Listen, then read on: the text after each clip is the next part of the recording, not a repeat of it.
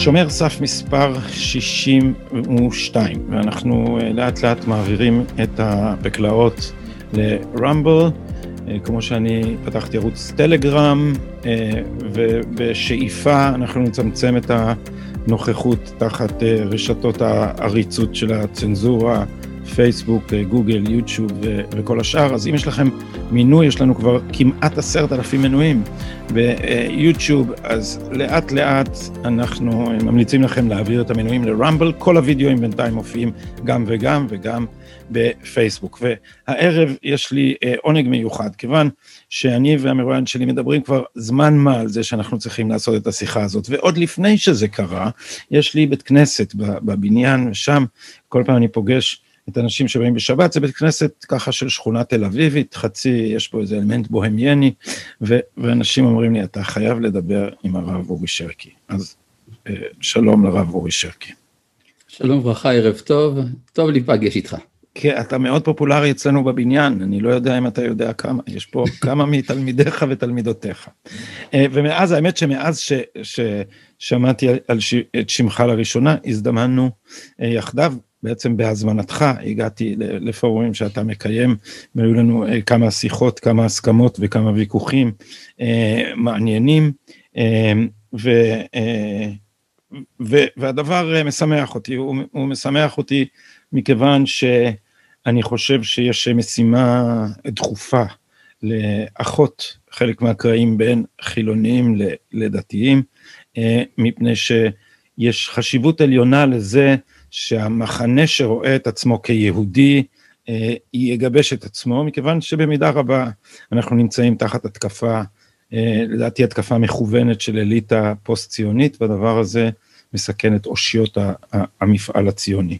אז, אז הרב שרקי, אתה, אתה, אה, זה, זה יחטא לאמת אם אני אגדיר אותך כאחד מתלמידיו של הרב צבי יהודה?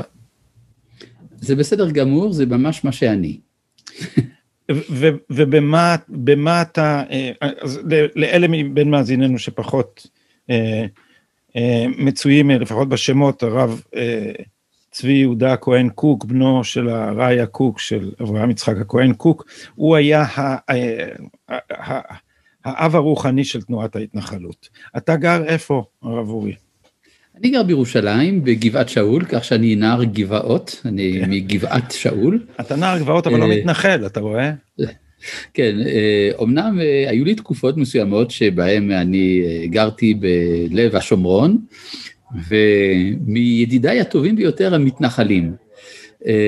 אני גם מזוהה בתור שכזה, כשאני מגיע לתל אביב, אני לא אשכח שכאשר הוזמנתי ליונתן ברג, על ידי יונתן ברג השקה של אחד אה, מספרי השירה שלו, אז הוא הציג אותי בתור המתנחל שאיתו הוא קשור, למרות שדווקא הוא בהתנחלות ולא אני. אז כך שאני חושב שלהיות מתנחל או לא זה לא עניין גיאוגרפי, זה עניין סוציולוגי, ואני בהחלט אה, בכבוד רב מקבל את התואר הזה. סוציולוגי או גם אה, רוחני סלאש פוליטי?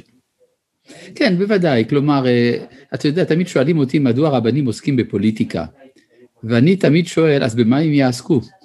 זאת אומרת, אה, מאחר ולפי הבנתי אה, היהדות היא אומה לפני שהיא דת, ומאחר ולפי הבנתי התורה היא אג'נדה פוליטית, תוכנית של המדינה העברית, אז ברור שהנושא הפוליטי הוא מהותי לתפיסה הרוחנית שלי גם. אה, אז, אז כמה דברים שאמרת. ראשית, הרעיון ש, שהיהדות היא אומה אה, לפני שהיא דת, זה סדר קדימויות אה, אונתולוגי או זה סדר קדימויות כרונולוגי? הייתי אומר זה אונתולוגי, הרי אם אתה מסתכל בתורה, שהיא המסמך שהדתיים רואים אותו כמייסד הדת, אז אתה רואה שהברית הראשונה היא קודם כל עם אבות לפני שעם הבנים, כלומר כשהקדוש ברוך הוא כורת ברית עם אברהם, יצחק ויעקב, הוא לא כורת איתם ברית על כשרות או על יום הכיפורים או על הלכות טהרת המשפחה, הוא כורת איתם ברית על ארץ ישראל, על זה שזרעם גירש את הארץ הזאת. רק מאוחר יותר מופיעה הברית בסיני, שהיא גם תורה ומצוות. אז כך שאני חושב שהדבר הזה הוא אונתולוגי. אם אתה מכיר את הסיפור של אה, מעשה העגל, יש שם איזה מין משחק מסוים בין, אה, בין אלוהים לבין משה.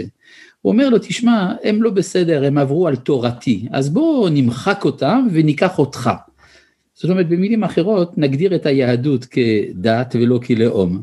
ואז משה מתקומם ואומר, זכור לאברהם, ליצחק וליעקב. זאת אומרת, אתה לא יכול להפוך לגמרי את המשחק, כלומר, הכל בנוי על יסוד של אומה, לאומה ניתנה התורה, לא התורה הגדירה אותנו כאומה. וזה, חרדים יחלקו עליך אה, נמרצות או שיש כאלה שלאו דווקא? אה, תלוי במי מדובר. תראה, אם אתה מדבר על הזרם החרדי המרכזי היום במדינת ישראל, בהחלט הם יחלקו עליי. מי שלא יחלוק עליי, למרבה ההפתעה, יהיה הרבי מסטמר. הרבי מסטמר היה בעל תפיסה אה, לאומית לחלוטין, בשבילו מדינת ישראל היא מלכות לכל דבר, ולכן היא אסורה, כי אסור להקים מלכות, אסור להיגאל לפני ביאת המשיח. אבל התפיסה של הרבי מסטמר מבחינה מסוימת הרבה יותר קרובה לשיטתו של הרב קוק מאשר השיטה החרדית הקלאסית המיוצגת על ידי החזון איש ותלמידיו במדינת ישראל, שרואה במדינת ישראל איזה מין מסגרת של חולין מחוסרת משמעות, כי מה שחשוב זה רק תורה ומצוות. ו... אני מקווה שהפתעתי אותך. אה, אה, הפתעת אותי עם, עם סאטמר בהחלט. בהחלט, אבל, זו הכוונה. אבל, אבל, אבל אני, אתה גם הפחדת אותי, אתה יודע, ואני אומר לך, זה, זה לא פעם ראשונה, אני רמזתי את זה כבר, את, ה, את הדבר הזה, כי אם אתה אומר שאתה רואה בתורה תוכנית פוליטית, אה, אני דרוך מכל חינוכי ל, לעמוד כנגד תיאולוגיה פוליטית. ותיאולוגיה פוליטית במובן הרחב של המילה, זאת אומרת לא רק תיאולוגיה במובן הפשוט של המילה, דת, אלא גם המרקסיזם לצורך העניין, גם הוא תיאולוגיה פוליטית.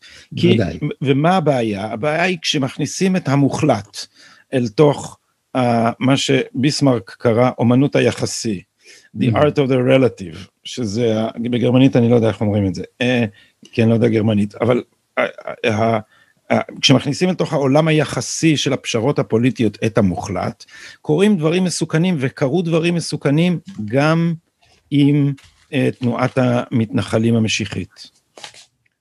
כן, אני מבין. תראה, אנחנו צריכים קודם כל להתייחס לשתי נקודות מה שאמרת.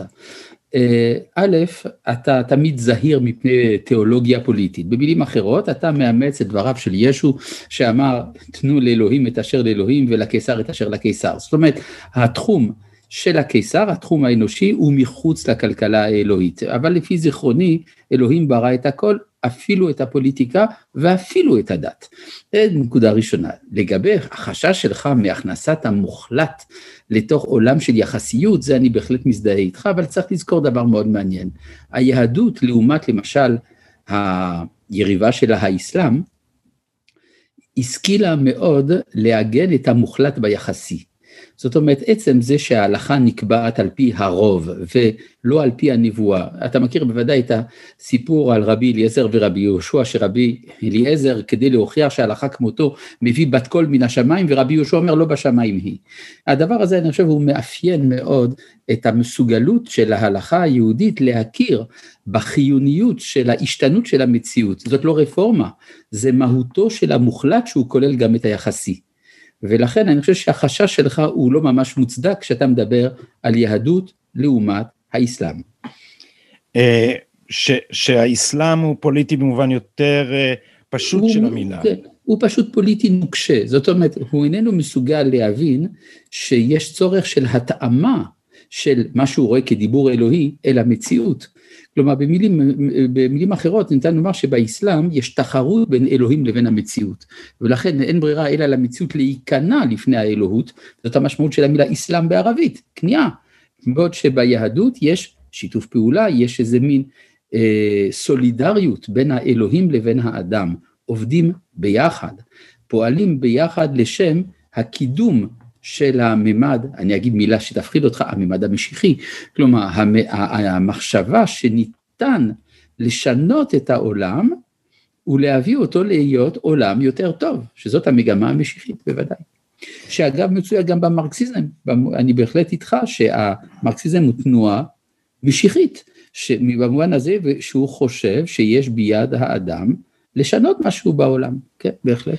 הוא, הוא, לא במובן הזה בלבד התכוונתי שהוא משיחי, התכוונתי בזה ש... הוא תיאולוגי, אמרת, תיאולוגי. ש, ש, לא, שהוא תיאולוגיה אה, פוליטית במובן הזה שיש לו מושג אה, גאולה, ומושג הגאולה שלו הוא נוקשה.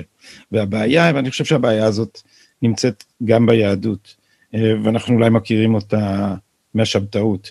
כש, כשברגע שמקרבים את הגאולה יותר מדי, אז מה הבעיה עם קרבת הגאולה? הבעיה היא שלאיסורים שתחתם אנחנו אה, חיים ושאותם אנחנו מעמיסים על כתפינו ושעליהם אנחנו גם אה, עוברים לא מעט, אבל איננו מוותרים עליהם. האיסורים האלה נועדו למה? הם נועדו אה, אה, לגדור את התשוקות האנושיות בתוך מסגרת שתאפשר את קיומה של החברה ואת המשכיותה. אז אנחנו, אה, בדברים מאוד פשוטים, אנחנו מרגע שאנחנו אה, צריכים לדאוג לגידול ילדינו, אז אנחנו צריכים, אה, אז, אז הפרספקטיבה שלנו על המשמעות של הכללים והאיסורים מקבלת מימד יותר ארוך של העתיד ואולי יותר, יותר ברור. הבעיה היא שהגאולה הופכת את, האיסור, את האיסורים לחסרי משמעות. מפני שאם האיסורים נועדו לשמור על ספינת החברה בהפלגתה אל תוך העתיד, אז אם עוד רגע מגיע, מפל זה לא דוגמה טובה, אם עוד רגע מגיע עלייה השמיימה, אז אין צורך לשמור על, ה, על, על הנהר הזורם, ולכן כשאתה מסתכל על האנשים שפעלו, על, ה, על, ה, על האנשים שהיו, רבים מהם יהודים, אה, בתוך המפלגה הבולשביקית, אם הגאולה היא אך כפסע מפה, אז כל האיסורים מותרים, לרבות את כל מי שצריך להרוג, כי הוא עומד על הדרך לקראת הגאולה השלמה. זה מה שמפחיד. כן, אני ממש נהנה לשמוע אה, ממי שמגדיר את עצמו כחילוני, דהיינו מי ש... איננו מרגיש מחויב לכל האיסורים של המסורת היהודית, אה, דווקא הגנה על, ה, על עולם האיסורים, ואתה מציב אותי בתור מי שבאיזשהו מקום הוא שבתאי ומבקש לבטל את האיסורים, יש, יש פה משהו משעשע בכל זאת. אה, אולי תשים לב לדבר מעניין, שבכל זאת המהפכה הציונית החילונית דווקא, בעלת אופי משיחי ודאי, באמת אה, באיזשהו מקום נקטה בשיח הזה שאתה מדבר עליו. כלומר, בעצם הטענה של אנשים כמו בן יהודה ודומים לו, הייתה שמאחר והיהדות עוברת מהפכה מהגדרתה כדת ללאום, אז אנחנו כבר לא זקוקים למצוות בשביל הגדרתה של היהדות, אנחנו יכולים להסתדר גם בלעדי זה. הנה פה דוגמה למשהו מעין שבתאי, לא הייתי אומר ממש שבתאי, אבל משהו מעין שבתאי. הגאולה בפתח, ההגדרה המחודשת של הזהות היהודית עומדת לפנינו, אנחנו כבר לא מחויבים לכל אותם הגדרים ששימרו את הקיום היהודי במהלך הגלות. וזה בהחלט מבחינתי זה משעשע לראות את ההתהפכות הזאת של היוצרות בשיח בינינו.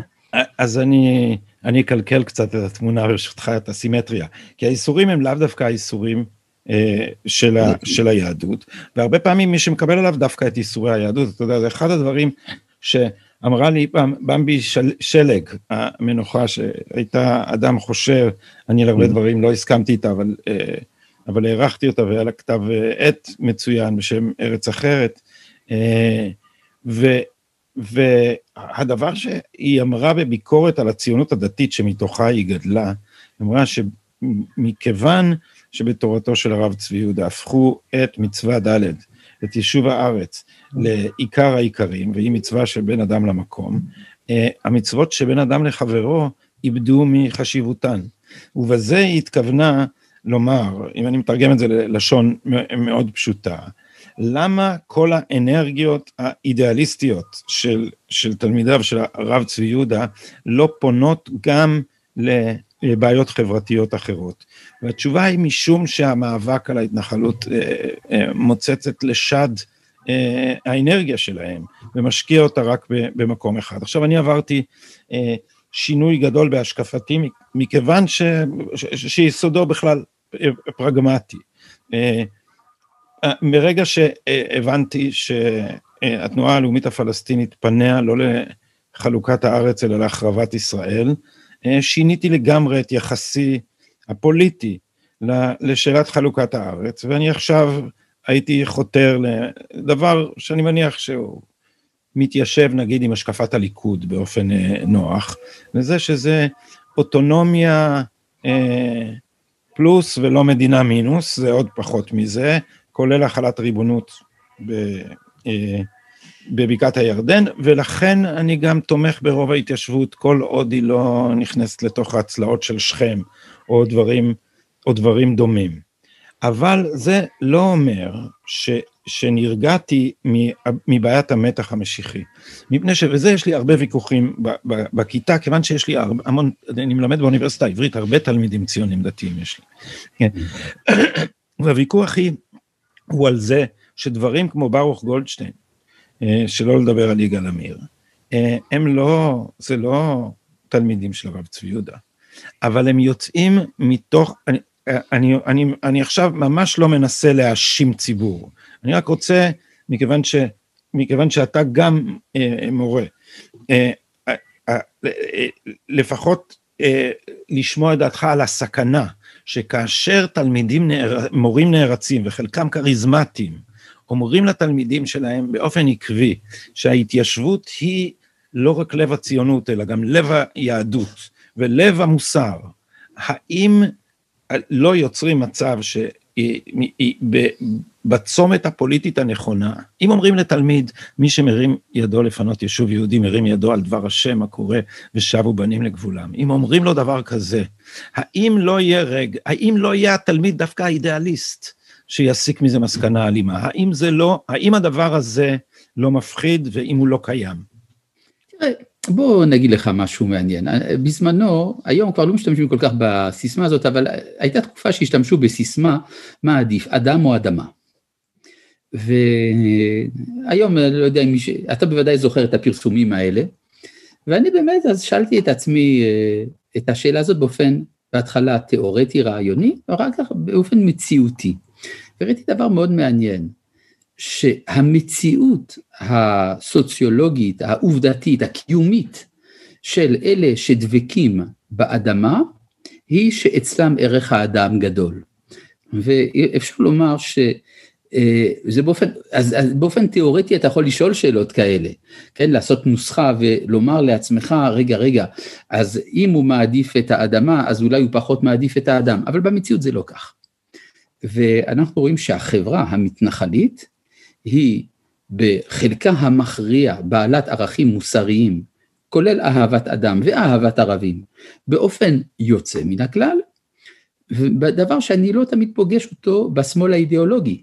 זאת אומרת, השמאל האידיאולוגי מדבר על הערבי כקונספט, כאדם, אבל איננו מעוניין באמת לפגוש אותו. וכך שאני חושב שאם אנחנו עושים מאזן של הסכנות שמצויות, סכנות של גזענות או של אלימות וכולי, שאנחנו נפגוש בציבור אחד לעומת השני, אינני בטוח בכלל שהמאזן הוא לרעת המתנחלים. עכשיו, אני לא בא להאשים גם פה ציבור, אינני בא לומר שהאליטה האשכנזית הבורגנית המתנשאת היא כל כולה אה, שנאת האדם, אבל יש הרבה מזה. בוא נספר לך סיפור קצת פרדוקסלי. היה לי תלמיד במכון מאיר, ששאל אותי, תגיד לי, לפני שחזרתי בתשובה הייתי שמאלני, ועכשיו שאני חזרתי בתשובה אני שונא ערבים, איך אתה מסביר את זה? אז אמרתי לו, תראה, זה שאתה שונא ערבים אני לא כל כך יכול להזדהות עם זה, אבל אני יכול להבין את המהפך שעברת, מזה שלפני כן הסתכלת על האדם מהאומה האחרת בתור קונספט. בעצם לא נפגשת עם המציאות החיה.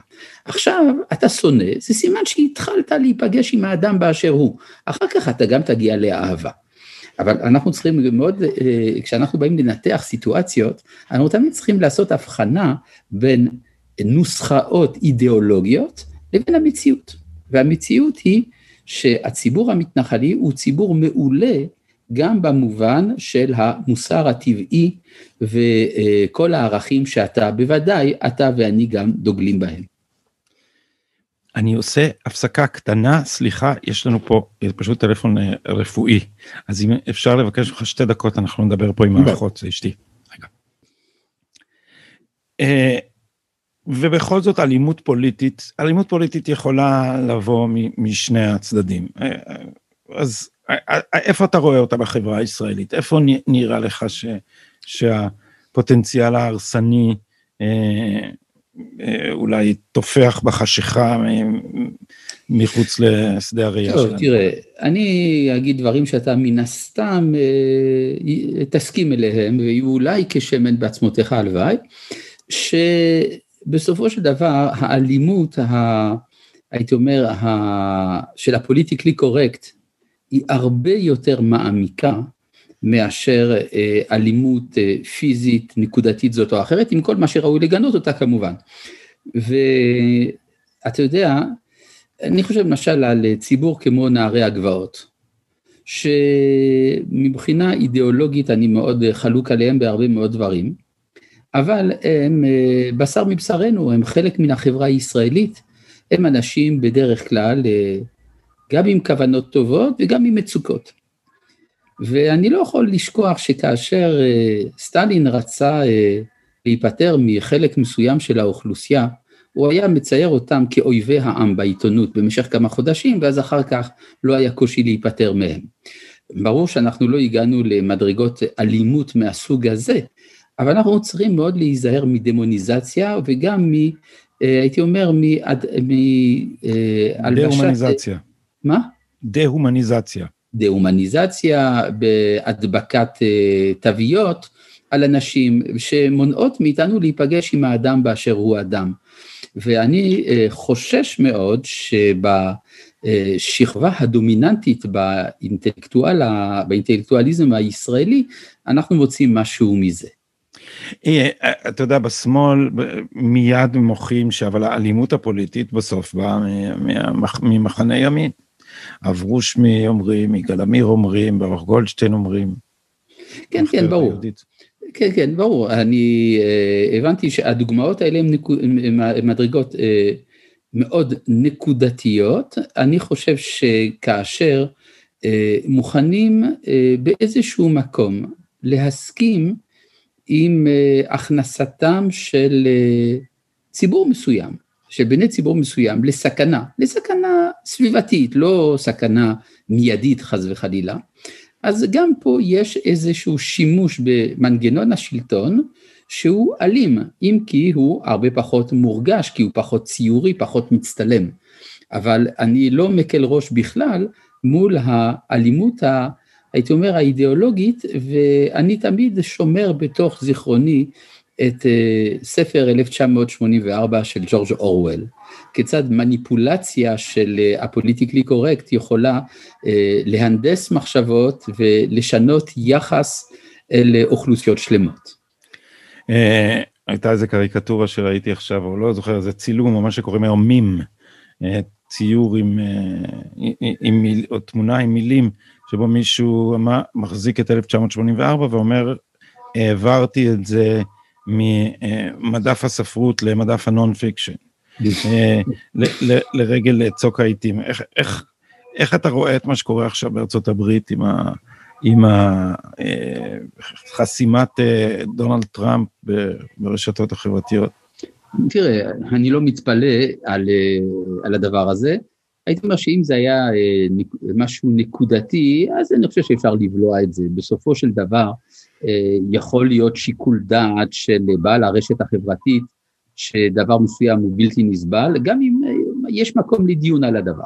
ברגע שיש פה איזושהי שיטתיות, אז יש פה איזושהי בעיה של הפקדת אה, מכשיר של אינדוס התודעה הציבורית בידי קבוצה קטנה של אנשים שמחליטים. אני חושב שהדבר הזה אנחנו צריכים לתת עליו את הדעת, גם בלי קשר למה שקרה אישית עם החסימה של דונלד טראמפ.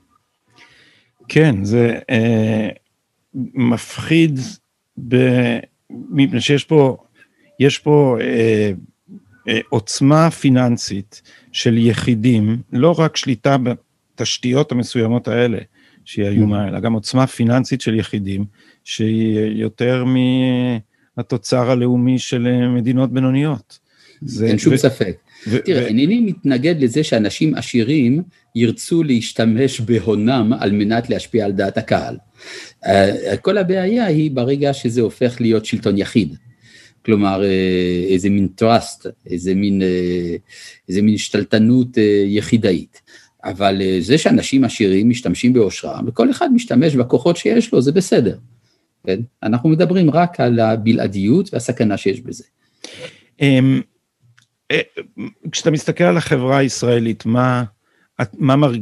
לפי הרגשתך עם הבעיות הבוערות שעומדות על סדר יומה, ואני שם בצד עכשיו עניינים אה, ש, שאינם ברוח ואינם בפוליטיקה, במובן זה של אה, לא, לא, לא מה, מה הניתוח של בעיותינו הכלכליות או של אה, חיסון הקורונה או מוכנותו של צה"ל. בעיות חברתיות, פוליטיות. למה אתה מתכוון? אם, אם לו אתה צריך אה, לקבוע את סדר היום של הממשלה בתחומים האלה, אה, באיזה סוגיות אתה היית מטפל, ואפילו אולי זה, זה דרך צרה מדי לנסח את השאלה. מה מדאיג אותך? תראה, מה שמדאיג אותי זה שאנשים אה, פועלים, אני מדבר, מדבר על מקבלי ההחלטות, על פי, על פי אופנות. כן, למשל, אה, כשאני רואה אנשים, אה, טוב, אני לא רוצה להיכנס לשמות בתקופה של אה, בחירות, אבל כאשר אנשים שואלים את עצמם לא במה הם מאמינים, אלא מה יותר עובר מסך, מה גורף יותר קולות. הדבר הזה מדאיג אותי קצת, משום שאני מצפה שהעומדים בראש החברה יקדמו אג'נדה.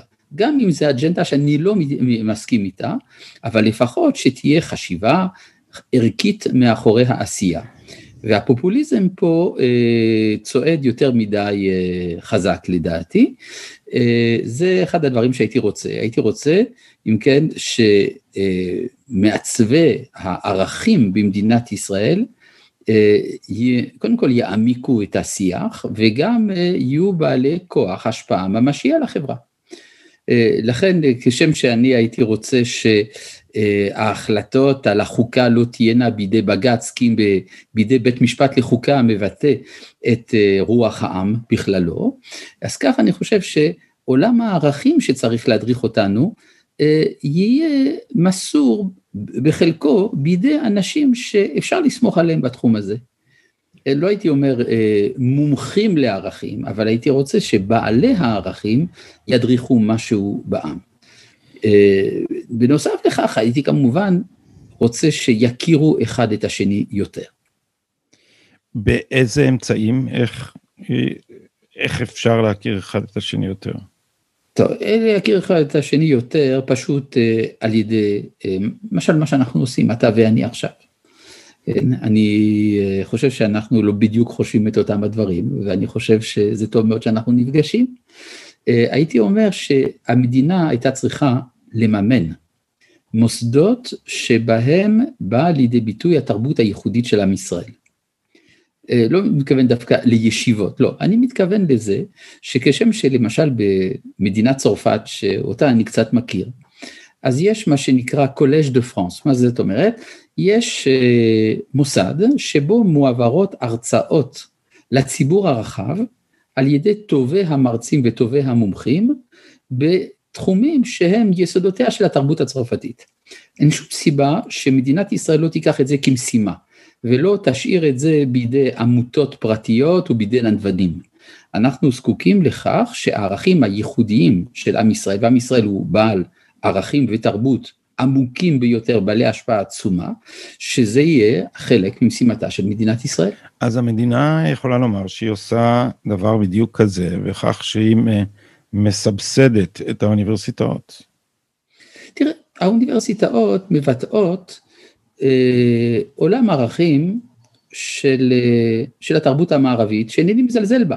אבל זה לא ייחודי לעם ישראל, זאת אומרת אה, היכולת הטכנולוגית, אפילו היכולת להביא פרסי נובל, זה לא ייחודי לעם ישראל, למרות שאנחנו אה, רואים שכמות היהודים שבעלי הפרס הזה היא כמות די גבוהה, אבל בסופו של דבר מדובר במוסד של התרבות המערבית.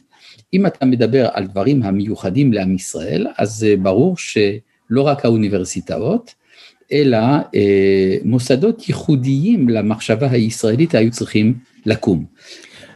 אני רציתי להגיד דבר... דבר יותר חמור מזה, כן, אני חושב כן. שהאוניברסיטאות במידה רבה מתקיפות את התרבות של עם ישראל. זאת אומרת, מה שקרה עם מדעי הרוח והחברה, עם השתלטות התרבות הפוסט-מודרנית, חלק מזה בא מהרסי התרבות מצרפת, חבורה שלמה. זה אחר כך בתרגום אמריקאי, אבל הדור של, של מישל פוקו והפוסט מודרניים והדקונסטרוקציה שהגיע לכאן, הגיע לכאן בתרגום אמריקאי כבר עם אדוארד סעיד, זאת אומרת המדינה מממנת אה, ממש מנגנון תעמולה אה, ענק אה, שפועל נגדה. אני לא רוצה להגיד את זה באופן גורף על כל האוניברסיטאות, אני מלמד באוניברסיטה בשתי המחלקות שבהן אני מלמד, אני מניח שהרוב אה, הגדול הוא שמאל עמוק, אבל לא, לא אנטי ציוני, אבל יש מקומות שבהם אם אתה ציוני, אמר לי מורה במחלקה שאני למדתי בה ב-BA, אמר לי פרופסור שאמר, אני לא מגלה שאני ציוני. עד כדי כך, כן, כן, בוודאי. כן, אבל אתה יודע, אה, אה, האוניברסיטאות היום פועלות באופן כזה, הייתי אומר לא רק האוניברסיטאות, מכון ישראלי לדמוקרטיה ועוד כמה מוסדות כאלה, אה, פועלים באופן כזה שמקבלי ההחלטות אינם מודעים לאג'נדה האנטי ציונית או הפוסט ציונית שגנוזה בערכים. זה כך שלפעמים אתה יכול לשמוע פוליטיקאים שמקבלים הנחות יסוד, כן, הנחות יסוד מובנות מאליהן מבחינתם, שלקוחות מאג'נדה באמת שאיננה ציונית, בהחלט. אה, אגב, אם כבר דיברת על החבורה מצרפת, אני לא יכול שלא לשתף אותך באיזה פרט אוטוביוגרפי.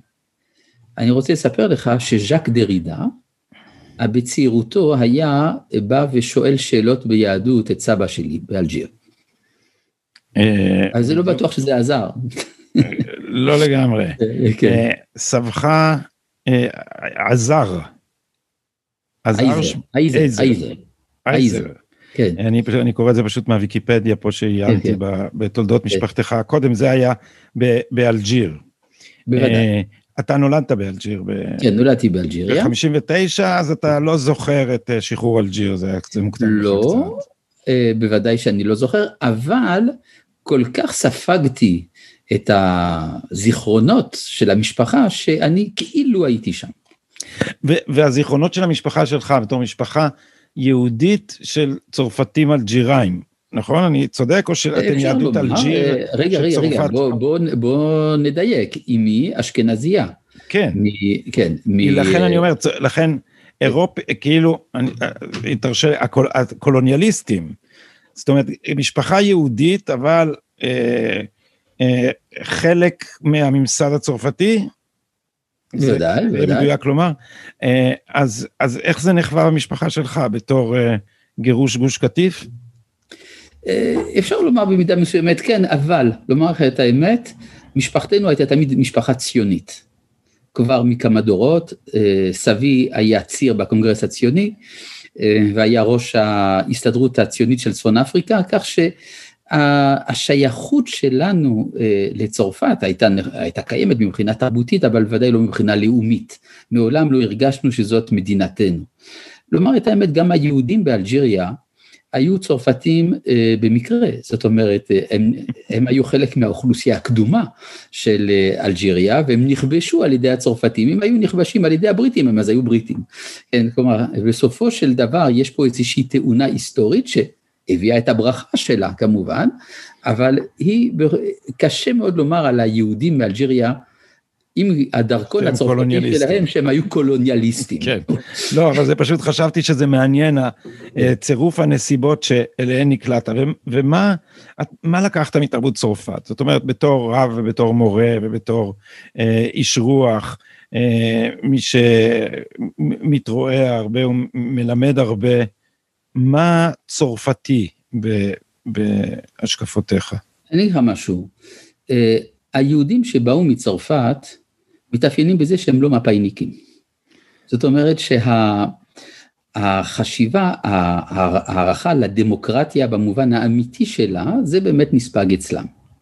אני לא יודע מה קורה היום בצרפת מהבחינה של הרוח הדמוקרטית, היום יש כבר אה, איזה מין דורסנות אידיאולוגית גם כן של הפוליטיקלי קורקט, אבל בתקופה שבה אני גדלתי, עדיין המילים כמו דמוקרטיה, חירות, אה, חירות המחשבה, אלו היו דברים ממשיים שהיו חיים בתוכנו. אה, כמו כן גם, לעומת מזרח אירופה, יהדות מערב אירופה מעולם לא הכירה את החלוקה החותכת בין הקודש לבין החול, ובוודאי לא את האיום שבעלי הקודש מרגישים מן החול במסורת המזרח אירופאית. זה עולם אחר לגמרי של ערכים, שבו היה ברור שהקודש הוא המרכז והחול הוא ההיקף, אבל הם חיים בהרמוניה. דבר נוסף, אני חושב שקלטנו זאת אומרת, משם, המשבר של תנועת ההשכלה לא הוא פסח על צרפת. הוא פסח, פסח על צרפת, וגם... פשוט פסח.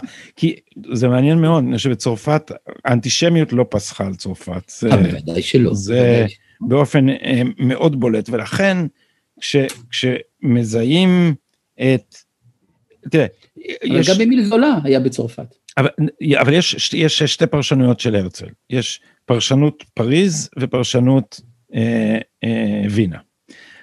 פרשנות וינה זה שלמה אבינרי אומרת, אה, הרצל ראה את הדמוקרטיזציה, את הליברליזציה, ליתר דיוק, בתוך האימפריה ההבסבורגית, וגילה דבר אה, מפתיע, שככל שמשחררים אנשים לעשות כרצונם, הם נעשים לאומיים יותר, לא פחות, או מבטאים את לאומיתם יותר, לא פחות.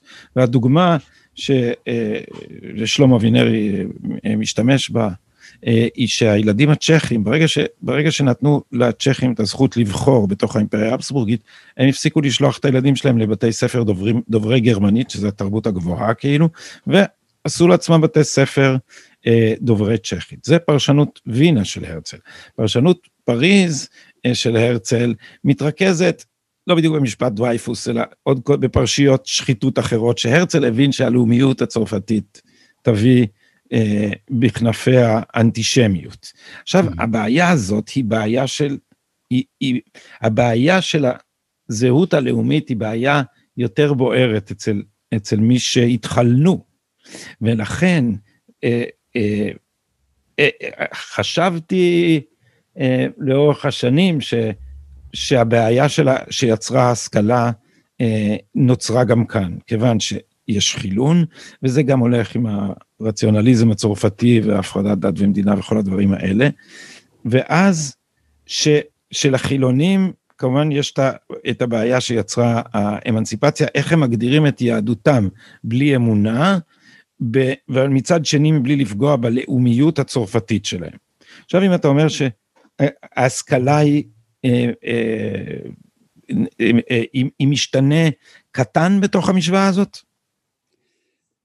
תראה, אצל הרצל אין שום ספק שאי אפשר היה שהחשיבה הציונית המדינית תצמח דווקא, שלא תצמח אצל אדם שאמון על מדעי המדינה. אני אומר שמה שמערב אירופה תרמה לציונות זה החשיבה המדינית. אתה רואה שכל התנועות הפרוטו-ציוניות שקמו במזרח אירופה, חובבי ציון בראשם, היו, אה, היו תנועות ללא חשיבה מדינית, אלא התיישבותית, אה, מיסטית או מה שאתה רוצה, אבל מדינית זה לא. זאת אומרת שהרצל ראה את הממשות של הכוח המדיני. האם הוא הזדהה עם הדמוקרטיה? לומר את האמת? לא. כן, שוכחים שיש ביומנים של הרצל משפטים מאוד חריפים נגד החשיבה הדמוקרטית, למרות שהוא היה אדם מאוד ליברלי, שזה משהו אחר לגמרי. אה, אה, ברור שהיהודים של מערב אירופה, ברובם לא ראו את עצמם כמועמדים לעלייה לארץ, זה דבר מפתיע. כן, ובמובן הזה הגורל של היהדות המערב אירופאית הוא מאוד מאוד מורכב. בעצם יש פה מרכיבים שונים של מצד אחד גאווה יהודית מאוד גדולה, כמו למשל אצל מייסדי כי"ח, ויחד עם זה גם איזושהי רתיעה ממה שיזהה אותנו יותר מדי עם, אה, עם, עם היהדות, כלומר, אני גאה להיות יהודי, אבל אני לא רוצה שידברו על זה יותר מדי. זה, זה משהו מפתיע באמת, וטוב, אנחנו מכירים את המציאות, שהמציאות היא הרבה יותר מורכבת מאשר הלוגיקה. אה, אני, אני רק הערה שולית על, על הרצל, להרצל היו לבטים אני חושב, אבל uh, המעשה הפוליטי השני הכי חשוב אחרי כינוס הקונגרס הציוני הראשון היה החלטה בקונגרס הציוני הראשון, וההחלטה הזאת הייתה מס השקל. ומהרגע הזה בעצם הרצל הוא בסופו של דבר מייסדה של הדמוקרטיה הישראלית, מפני, mm. ש, מפני שהאספה הבאה, הקונגרס הבא כבר היה אספה נבחרת, והוא השתמש במושג של, במושג של האספה הלאומית של צרפת. אה, אוקיי. זאת אומרת, הוא השתמש במונח של, של המהפכה הצרפתית לאספה הלאומית, כלומר הגוף שמבטא את הריבונות הלאומית על ידי זה שהוא גוף נבחר. כל מי כן. שמשלם את מס השקל הוא חבר בתנועה, יכול לבחור ולהיבחר. אה, אה, אבל זאת, זאת הערה, הערה כן. שולית על הרצל. עד כמה הדמוקרטיה והדת יושבות בנוח אצל יהדות מערב אירופה לעומת יהדות מזרח אירופה נגיד, או בכלל היהדות? תראה, קודם כל בין מזרח אירופה למערב אירופה, אני חושב שבאמת יש הבדל, במערב אירופה הייתה דמוקרטיה, במזרח אירופה לא הייתה. ובמובן הזה, עבור היהודי המערב אירופי, הדמוקרטיה היא נתון של החיים שכמעט ואיננו עומד לידי ויכוח. Uh, עכשיו, לומר את האמת, מה היהדות חושבת על הנושא הזה, אז אני חושב שאנחנו צריכים לעשות הבחנה בין uh, שלושה תחומים כשאנחנו מדברים על דמוקרטיה. הדמוקרטיה כמשטר, הדמוקרטיה כערך והדמוקרטיה כתרבות. אם אתה מדבר על המשטר הדמוקרטי, דהיינו שהרוב קובע, uh, פחות או יותר זה המשמעות של המילה דמוקרטיה.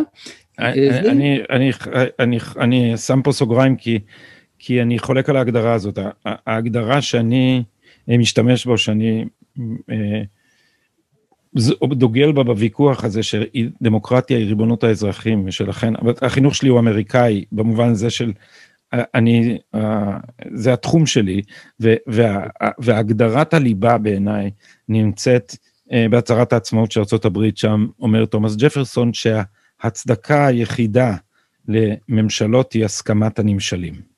בוודאי. זאת, אה, אבל זה אתה יכול להגיד גם על, אה, על משטר שאיננו דמוקרטי, זאת אומרת גם המשטר המלוכני האבסולוטי ושואב את אה, כוחו מהסכמת העם להיות נשלט באופן כזה. כך שהמנגנון הדמוקרטי הוא מנגנון שבו נבחרי הציבור או הציבור קובע מה יהיה באופן פרטני ולא רק מי השושלת שמושלת בו. במובן הזה, אה, אני חושב שהמסורת היהודית אה, כבר מזמן לימדה שאחרי רבים להטות ושמלך במשפט יעמיד ארץ, הדברים האלה אני חושב די מקובלים.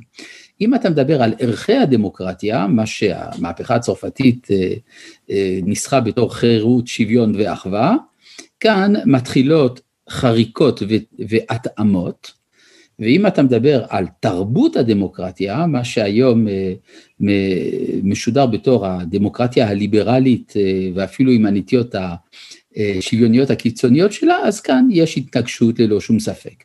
ולכן תמיד כשמדברים על דמוקרטיה ויהדות, אה, צריך לדעת על מה מדברים, יש הרבה אי הבנות בגלל דלות הניסוח. ואיפה הם נקודות החיכוך שאתה נזכרת? למשל, תראה, אם אתה מדבר על שוויון, חירות ואחווה, אז בואו ניכנס קצת לעומק של הדברים. אה, יש שלוש ברכות שמופיעות בסידור התפילה של היהודים שהן מהניגוד המוחלט. שלא עשני גוי, שלא עשני עבד, שלא עשני אישה. שלא עשני גוי זה הפך האחווה, שלא עשני עבד זה הפך החירות, שלא עשני אישה זה הפך השוויון. אז אה, אתה יכול לומר שבנקודת המוצא של אה, שתי השיטות, אפשר לומר, היא נקודת מוצא הפוכה. אבל אם אתה רואה את המציאות, וזה מאוד חשוב תמיד לעשות הבחנה בין העיקרון לבין המציאות, אנחנו רואים את ההפך הגמור. אנחנו רואים שההלכה פיתחה מנגנונים שהופכים את החירות, השוויון והאחווה למציאות, בעוד שבחברות הדוגלות בעיקרון של חירות, שוויון ואחווה, הרבה פעמים אין חירות, אין שוויון ואין אחווה. וכך שבסופו של דבר יש מפגש בין עולם הערכים הזה לבין היהדות, רק שהוא מפגש, הייתי אומר, נסיבתי, יותר מאשר ערכי. והמפגש הנסיבתי הזה מצליח לנו, עולה בידינו? ללא שום ספק הוא מצליח. אתה רואה שמדינת ישראל נושאת בתוכה אה, ציבורים בעלי אג'נדות מנוגדות זו לזו, ודווקא הם מסתדרים לא רע ביחד. בסופו של דבר, העגלה נוסעת. אין פה שתי עגלות, יש עגלה אחת שכוללת את כולם, אוהבים את זה, לא אוהבים את זה, זאתי המציאות, או כמו שאומר השיר, כן, אם זה טוב ואם זה רע, כבר אין דרך חזרה. אז אה, הייתי אומר שבמובן הזה אני אה, נושא בגאון את המחלה שלי, שהיא האופטימיות הכרונית, במיוחד בעיתות משבר. כשאני רואה שמשהו לא מסתדר, כאשר אני רואה שיש משבר בזהות הציבורית, אני אומר, וואי, זה פוטנציאל, יש הזדמנות לשינוי, זו אפשרות להתפתחות, ולכן אני די מרוצה. אני, אני, רוצה, אני רוצה, לפני שאנחנו מסיימים להספיק עוד נושא אחד, ש, שעליו התחלנו לדבר במפגש אה, תחת אה, צל קורתך אה, עם, עם פרופסור מאיר בוזגלו, היה שם, וקרוליין גליק הייתה שם, ועוד משתתפים אחרים, והנושא ש, שעלה בהקשר של הלאומיות, וזה דבר שלאחרונה מעסיק אותי, אני ממש בתחושה שהמזרחים הצילו את הפרויקט הציוני. מפני שאני מרגיש באליטה הוותיקה אה, נעשתה בהרבה מובנים פוסט-לאומית. ואם דיברנו על אה, יהדות מזרח אירופה לעומת יהדות מערב אירופה, עדיין שני אלה, אה, אולי, ואני לא, אני מודה שאני לא חשבתי על זה בצורה הזאת, שההשכלה הייתה לה השפעה אחרת במערב אירופה, עדיין היה דבר כזה. אה, את המשבר שיצר, שיצרו ההשכלה והחילון לא חוו אה, הקהילות היהודיות במזרח, ולכן יש להם ספקטרום ולא שבר בין הציונות, בין, בין ההלכה לחילוניות, יש המשכיות של מסורתיות באמצע, ולכן גם אין, הציונות לא צמחה במחנה יריב להלכה, היא צמחה בתוך הספקטרום האורגני הזה, ו, ואני מרגיש שבאופן פרדו, אני אנסח את זה בצורה פרובוקטיבית ות, ותגיד לי מה דעתך על זה. בעצם המזרחים עכשיו הם. הנושאים האידיאולוגיים של כור ההיתוך, בניגוד גמור למה שמלמדים אותנו באוניברסיטה. Uh, תראה, קודם כל אתה מלטף לי את האגו, כי אני uh, uh, ספרדי בזהות שלי, כך שזה מאוד נחמד לשמוע דברי, דברי שבח. הייתי אומר כך, שאני הכרתי הרבה, בצעירותי הכרתי הרבה רבנים ספרדים, מכל מיני סוגים, הייתי אומר, בעלי זהויות, בעלי דעות שונות, אפילו באופן קוטבי. אבל אני ניסיתי קצת להבין מה היה המכנה המשותף אה, שלהם, והגעתי למסקנה שהם היו כולם נורמליים. שזה דבר אה, מדהים, כלומר היום אה, שכחנו שלהיות נורמלי זה אפשרי בתור יהודי. יש הרבה פעמים ניסיון תמיד לעשות אידיאולוגיות מההתנהגויות שלנו. למשל, אם אתה מסתכל על המסורתיות הספרדית לעומת המסורתיות האשכנזית, אתה רואה פה דברים מאוד מעניינים. האשכנזי המסורתי מוכרח לתת צידוק אידיאולוגי להתנהגותו. ולכן הוא גם אה, יבנה את התנועה הקונסרבטיבית אה, או כל מיני אה, ניסוחים מהסוג הזה. יקרא לעצמו מפלגת הישראלים או כל מיני דברים כאלה. לעומת זה, אצל הספרדים המסורתיות היא עובדה ללא ניסיון של הצדקה אידיאולוגית. ולכן מה שאתה קורא כאן, הרצף הוא בהחלט אפשרי, בגלל שהתנועה של האדם מהתנהגות שתוכל לקרוא לה חילונית להתנהגות שתוכל לקרוא לה אורתודוקסית, בעצם המעבר הזה הוא מאוד קל, כי מעולם לא היו מחיצות. אתה יודע, אני פעם נכחתי באיזה שהוא כנס של הציונות הדתית. בבנייני האומה, הביאו לשם כל מיני אנשים, מה הייתה העמדה, מה היה הנושא לדיון? אה, מה, איך להבין את המאבק בין הלייטים לבין החרד"לים. כן? מבחינה, איך, איך להכיל את זה. ואז היה שם חרדל וגם לייט שהתווכחו ביניהם. אני בדיוק ישבתי בין שניהם. אחר כך אמרו לי, הרב שרקי, מה אתה אומר? אמרתי, זה ויכוח פנים, פנים אשכנזי מרתק.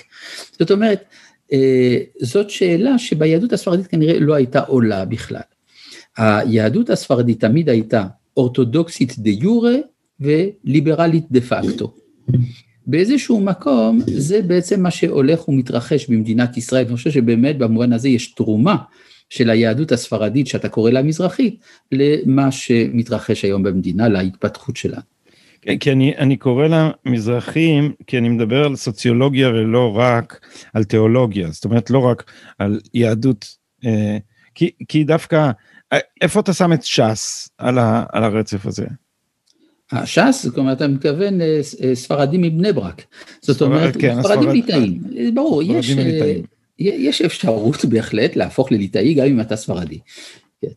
אבל קודם כל התפיסה, אה, התפיסה... אבל אתה יודע מה, גם בתוך ש"ס יש מטוטלת. יש מטוטלת, שהיא... המטוטלת היא אה, לפעמים מה להדגיש. למשל בקמפיין הבחירות האחרון של ש"ס, פתאום ראית פרסומים שכללו בתוכם את הדמויות של בן גוריון ובגין. כן? לעומת, אה, לעומת מה שהיה בבחירות שלפני כן, ששמו את מועצת חכמי התורה ו, אה, וכל הבני ברקים שלהם בתור, אה, בתור הדגם האידיאלי, בתור המנהיגים. כלומר, לפעמים כשזה עובד, על זה מדג... מדגישים את זה, כשזה עובד, מדגישים את זה. וייתכן גם כן שש"ס חוזרת בתשובה אל הספרדיות, מי יודע. יהיה מעניין לשמוע לשמוע מה, מה אומרים על זה רבני ש"ס. מפני שבין השאר, ש"ס דוגלת באחדות ההלכה, נכון? זאת אומרת, ש"ס זה לא, זה תפיסה לא פלורליסטית של היהדות, זה תפיסה אחדותית של ההלכה. אחידות ההלכה, אחידות. אחידות. אוקיי. כן, זה בעצם מגמה הלכתית שפותחה על ידי הרב עובדיה יוסף, אה, שהיא שיטה בין השיטות האפשריות בפסיקה ההלכתית הספרדית, אה, מתוך ניסיון להשיב את ה... הייתי אומר, אחד מהדברים שמתחת לפני השטח זה הניסיון להשיב את כבודה של הספרדיות.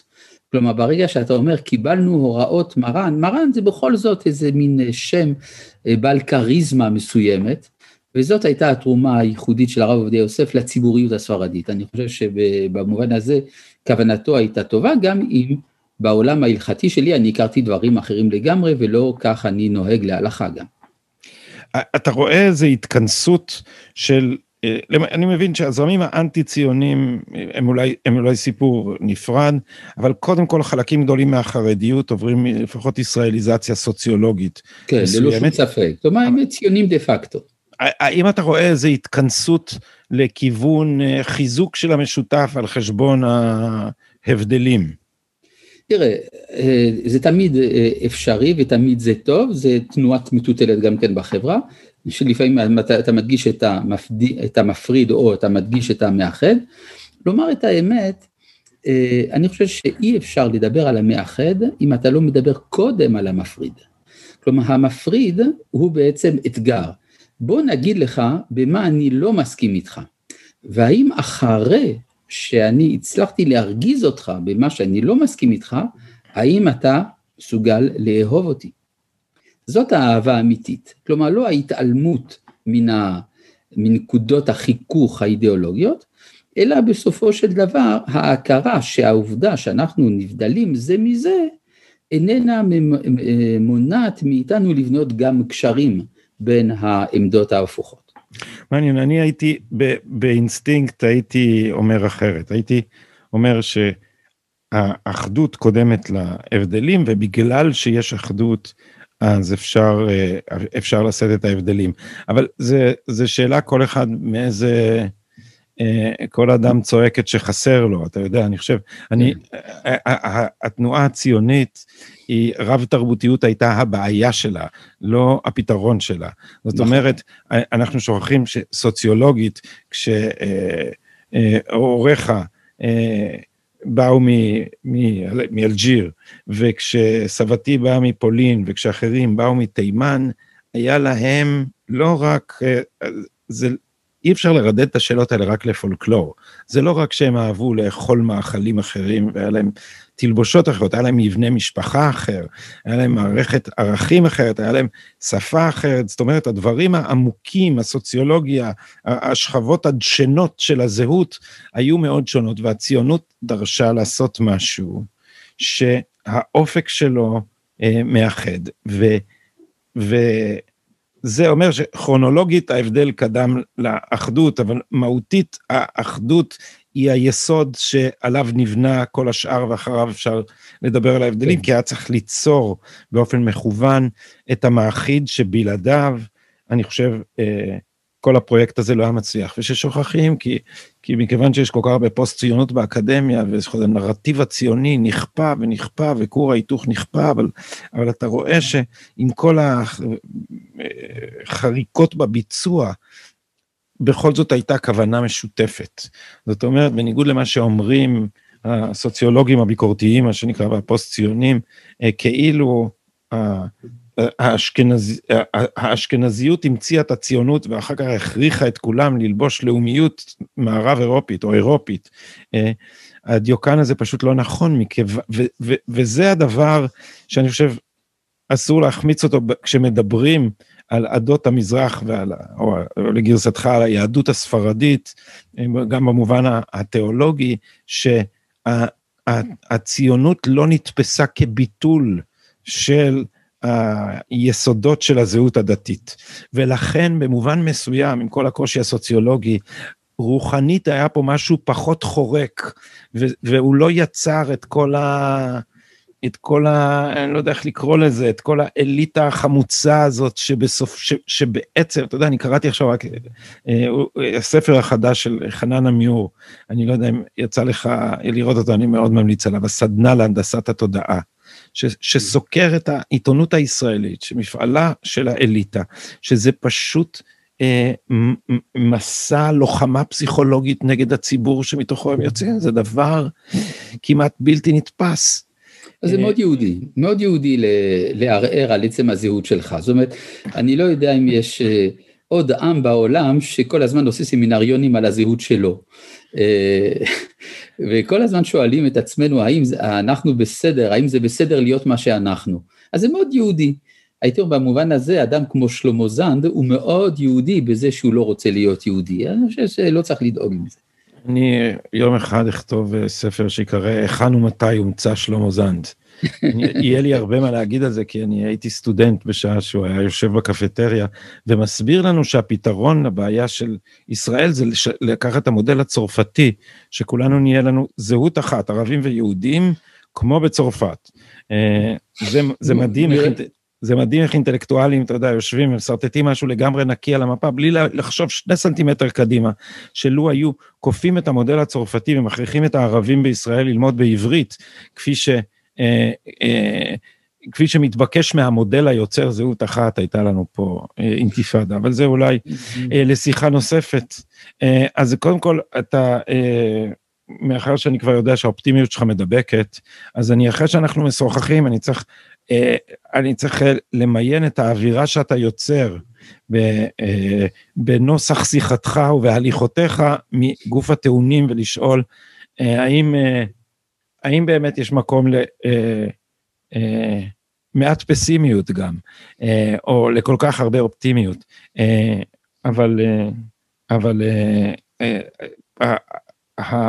הטענה הבסיסית, אני חושב, אם, אם לסגור במקום שבו התחלנו, השאלה אה, של, של משקלו של המשותף ביחס, אה, ביחס אה, למפריד, אה, אני חושב שהמשקל הזה אה, הולך ועולה לשמחתי, כי אני לא יודע אם היינו יכולים לקיים את השיחה הזאת בכזאת נינוחות, כשהייתי במחנה השני.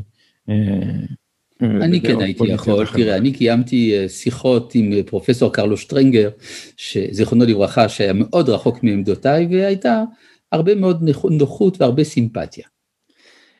אני מניח שזה קו אופי, אני שואל את עצמי לא פעם אם לא לקחתי את הלוחמנות השמאלנית אל, ה... אל הימין. בכל אופן, שיחה שיש להמשיכה. הרב אורי שרקי, תודה רבה לך תודה רבה על השיחה הזאת.